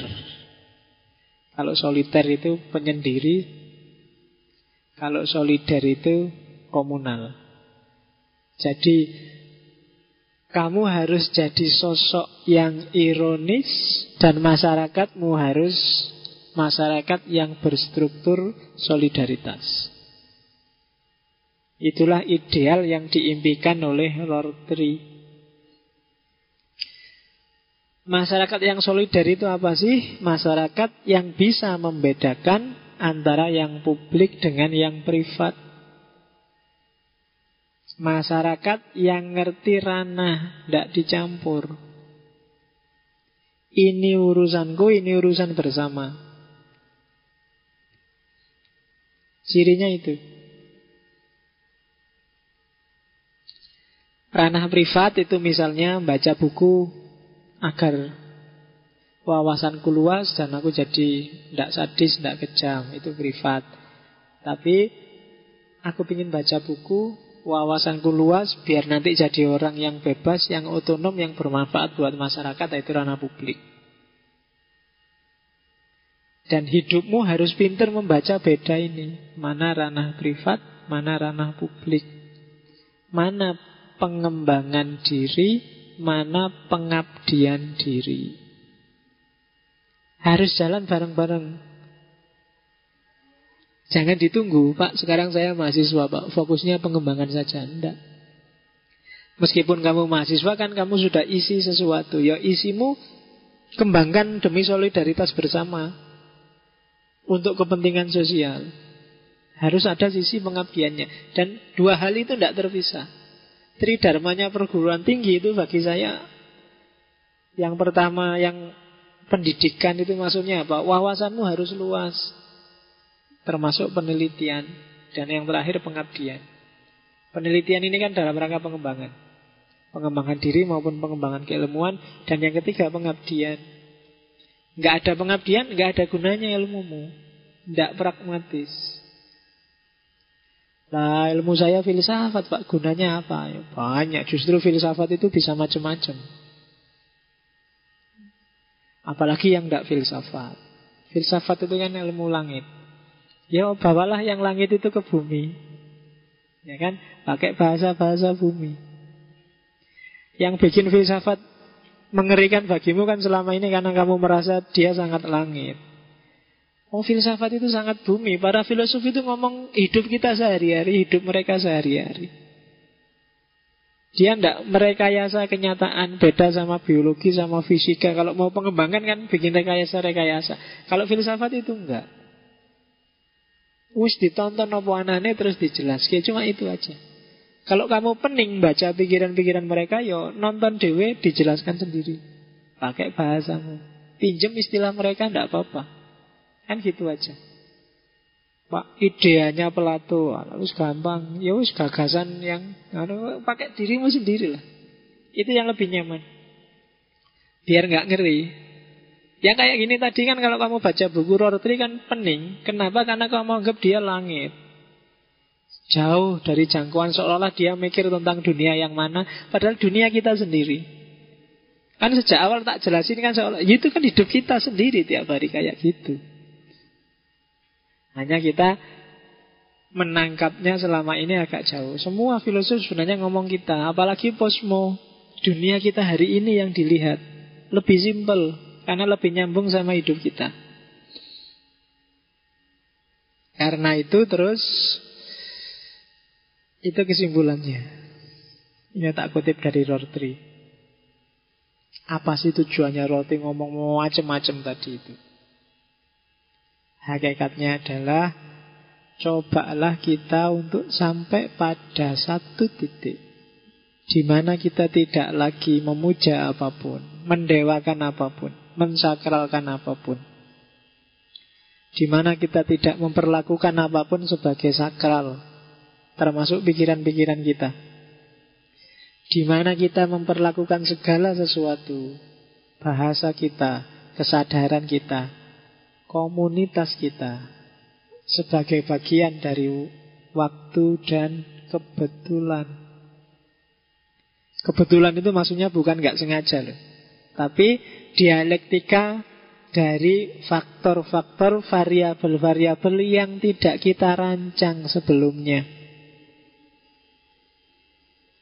Jadi semua yang ada dalam hidup kita itu sebenarnya kebetulan-kebetulan. Nggak ada yang serius pingin kamu rancang dan rancanganmu terus jadi kayak gitu biasanya enggak. Ada banyak variabel kebetulan-kebetulan. Kamu bisa nyampe Jogja, kamu bisa kuliah, kamu bisa ngaji malam ini. Sebentar lagi ada apa kan kamu nggak bisa meramal. Yang kamu temui juga kebetulan. Jadi dua hal yang determinan dalam hidup kita. Yang pertama waktu dan yang kedua kebetulan. Maka manfaatkanlah waktu sebaik-baiknya biar kamu nemu kebetulan yang baik. Nah itu kuncinya Rorty. Caranya gimana biar kita nemu kebetulan yang baik? Jangan mandek. Perluas wawasan terus, kita harus progresif. Wawasannya tambah, perilaku yang baiknya tambah. Kemudian isi kepala, isi hatimu, isi terus, maka dinamikamu dinamika ke arah yang positif. Banyak sampah di kepala kita, banyak sampah di hati kita, bersihkan itu. Jangan ada satupun yang kamu puja-puja, yang kamu sakral-sakralkan. Makanya kata-katanya seperti itu. Kenapa sih semuanya kontingen? Jangan sampai kayak katanya Arkun, kita terjebak pada takdisul afkar ad-diniyah. Yang kalau dalam agama, yang kita sakralkan sebenarnya pemikiran kita. Agama itu sakral, tapi ternyata yang kita sakralkan bukan agama, tapi pikiran kita tentang agama. Pemahaman kita terhadap agama. Sehingga kalau ada orang ngeritik itu, kita anggap dia ngeritik agama, kita anggap karena agama dari Allah, terus kita anggap dia melecehkan Allah. Padahal mungkin enggak. Yang dikritik pikiranmu, gagasanmu. Dan itu yang terjadi hari ini. Maka Bersihkan pikiran, nambah wawasan, manfaatkan waktu sebaik-baiknya, maka kita akan ketemu kebetulan-kebetulan yang benar.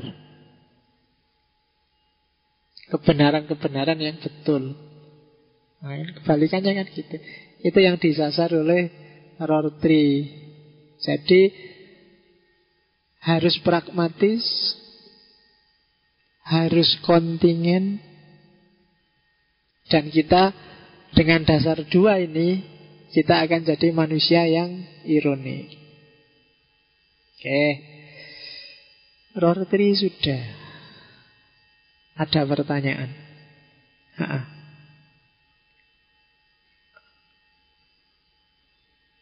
Mm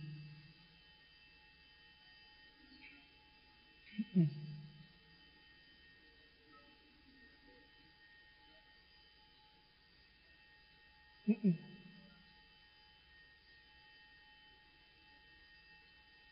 Mm-mm.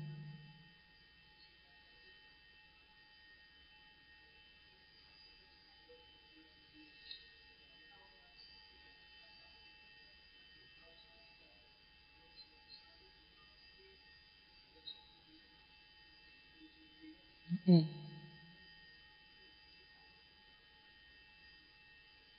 Okay. Kalau dari perspektif Rontri, kalau kamu yakin dakwah itu benar ya dakwah. Orang Kristen juga merasa harus dakwah, ya silakan dakwah aja. Kan simpel kayak gitu. Lah, tapi kan kebenaran itu masing-masing. Iya, kebenaran itu masing-masing silahkan milih setiap orang meyakini sesuai kedudukannya sendiri-sendiri. Kalau misinya orang Kristen terus dia dakwah, ah salah itu salah. Ya tidak apa-apa, yakini aja salah. Kan gitu. Dakwah itu hak mereka, tapi menerima atau menolak dakwah adalah hak kita yang didakwahi kan gitu. Orang Kristen misi itu haknya mereka.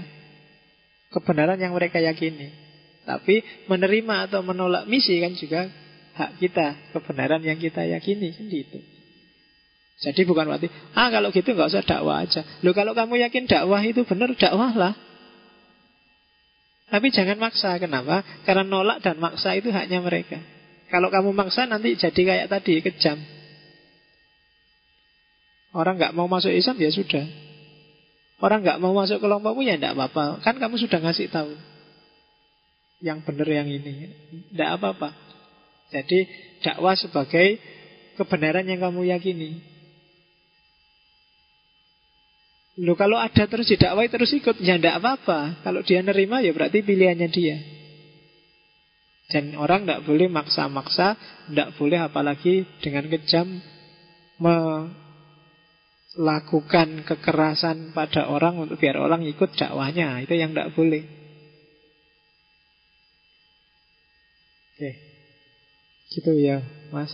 Anu, dai sampean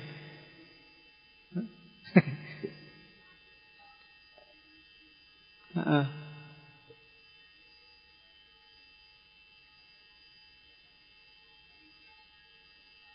嗯。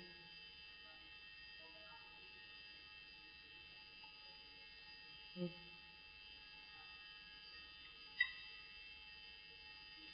嗯。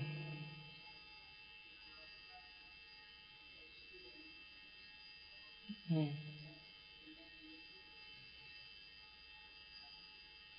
Hmm. Hmm. Ya. Dan katanya Rorty yang operatif di masyarakat yang konotasi.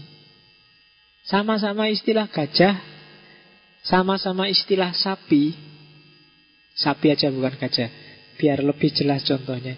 Sapi di kepalamu yang muslim dengan sapi di kepala mereka yang Hindu kan beda. Rasanya kambing di kepalanya orang yang kolesterol tinggi, darah tinggi yang sudah terancam stroke dengan kambing di kepalamu yang masih seger kan beda. Bagimu kambing makanan enak ini nyate sip. Tapi bagi yang darah tinggi, kolesterol tinggi yang terancam stroke, begitu kambing, ah ini musuh besar ini. Kan gitu. Sama, istilahnya, tapi yang operatif di masyarakat itu konotasi. Laptop ini, uh, laptop model baru nih, mereknya Dell misalnya. Eh, tulisannya Dell memang. ya kan? Tapi kamu yang ahli IT, ah, apa gitu model baru, Pak? Itu sudah deso, Pak. Le konotasinya beda. Hasil resepsiku terhadap laptop dengan resepsimu ternyata beda. Nah itu jadi lo memang ada konotasi, ada denotasi. Konotasi itu ya kalau bahasa manteknya itu kias dari denotasi. Tapi katanya Rorty, yang operatif di masyarakat itu makna konotasinya. Dalam hal apa pun. Gudeg bagi orang Jogja dengan bagi orang Jawa Timur beda loh anunya, tanggapannya. Kenapa ya? Karena yang di masyarakat konotasinya. Tidak sekedar kalau maknya denotasikan gudeg adalah sayur yang terbuat dari apa dibikin apa itu itu denotasi. Tapi yang beredar di masyarakat itu tidak tidak itunya, tapi kesan pemahaman apa operasi konseptual mereka tentang makhluk yang namanya gudeg. Itu yang dimaksud oleh Rortri. Ada lagi? Ha -ha.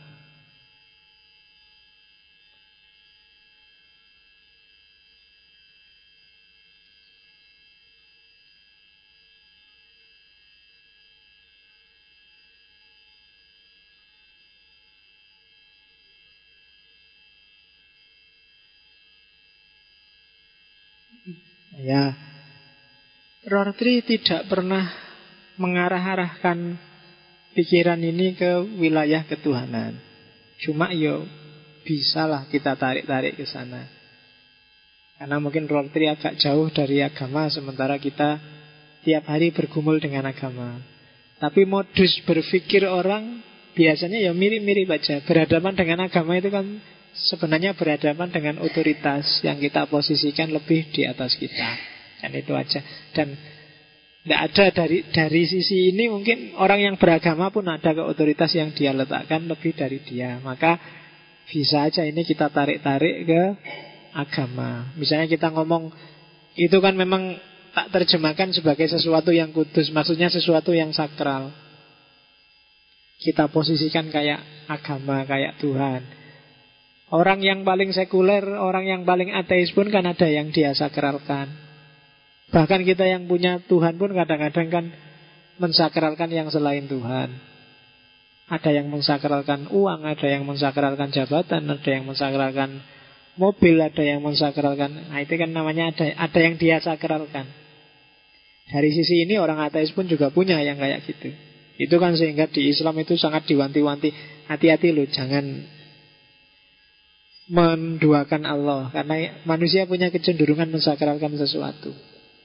Nah, oleh Rortri, ayo kita belajar yang dalam, sedalam-dalamnya, seluas-luasnya wawasan kita, sampai pada titik tidak ada lagi yang kita tinggi-tinggikan, yang kita puja-puja, kita anggap pasti sebagai kebenaran yang tidak berubah. Karena semakin orang luas wawasannya kan semakin dia tidak gampang terjebak oleh sakralitas. Semakin kamu ngerti, oh ini sementara, oh ini tidak pasti, oh itu ternyata rahasianya gini, itu kan kamu semakin gak mensakralkan. Tapi semakin kamu gak paham, semakin kamu gak ngerti, kan semakin mensakralkan. Punya laptop aja, kalau kamu gak ngerti laptop, kan sangat kamu sakralkan. Temennya makin, eh jangan dipegang-pegang, nanti kalau error gimana, mau eh, kan gitu. Dia sangat sakral, menutup aja hati-hati pelan. Tapi yang ngerti laptop, ngerti punya wawasan tentang laptop, ya santai aja diotak-atik, diotak ditutup biasa aja. Bahkan dibongkar-bongkar bisa aja. Tapi yang tidak ngerti dia jadi sakral. Disenggol temennya dipejat-pejat, hati-hati loh itu mahal lah, kan gitu. Nah, maka Rortri ayo belajar sedalam-dalamnya sampai tidak ada lagi yang bisa kita sakral-sakralkan karena kita sadar hakikatnya yang sementara. Nah, itu nilai religius dari kutipan Rortri ini makanya tak ambil di sini. Meskipun dari mulutnya Lortri, tapi kalau di situ terkandung hikmah kan lumayan kita ambil. Kan saya selalu bilang gitu, kita jelajah ke mana-mana, kita ambili satu-satu hikmah dari mulutnya orang-orang besar di dunia ini, termasuk yang dari Amerika. Meskipun mungkin ada yang tidak suka Amerika, tidak apa-apa. Seperti tak bilang di awal, asal jangan benci Amerika, kan gitu aja. Tidak setuju Amerika, tidak apa-apa. Menolak Amerika, tidak apa-apa. Tapi kalau sudah benci, yang rusak bukan Amerikanya, tapi dirimu sendiri. Oke, sudah ya, sudah jam 10. Minggu depan kita akan ketemu dengan Derrida. Saya tidak tahu sampai toko keberapa pusmu Yang penting sampai aku bosen pusmu ya. Ya ukurannya aku lah. Gelum gelum ya rapopo Kalau kamu bosen kan enak Kamu tinggal tidak usah masuk. Kalau saya bosen ya tak ganti temanya gitu aja kan. Oke Saya akhiri sekian. Wallahul muwafiq Wallahu a'lam bisawab Wassalamualaikum warahmatullahi wabarakatuh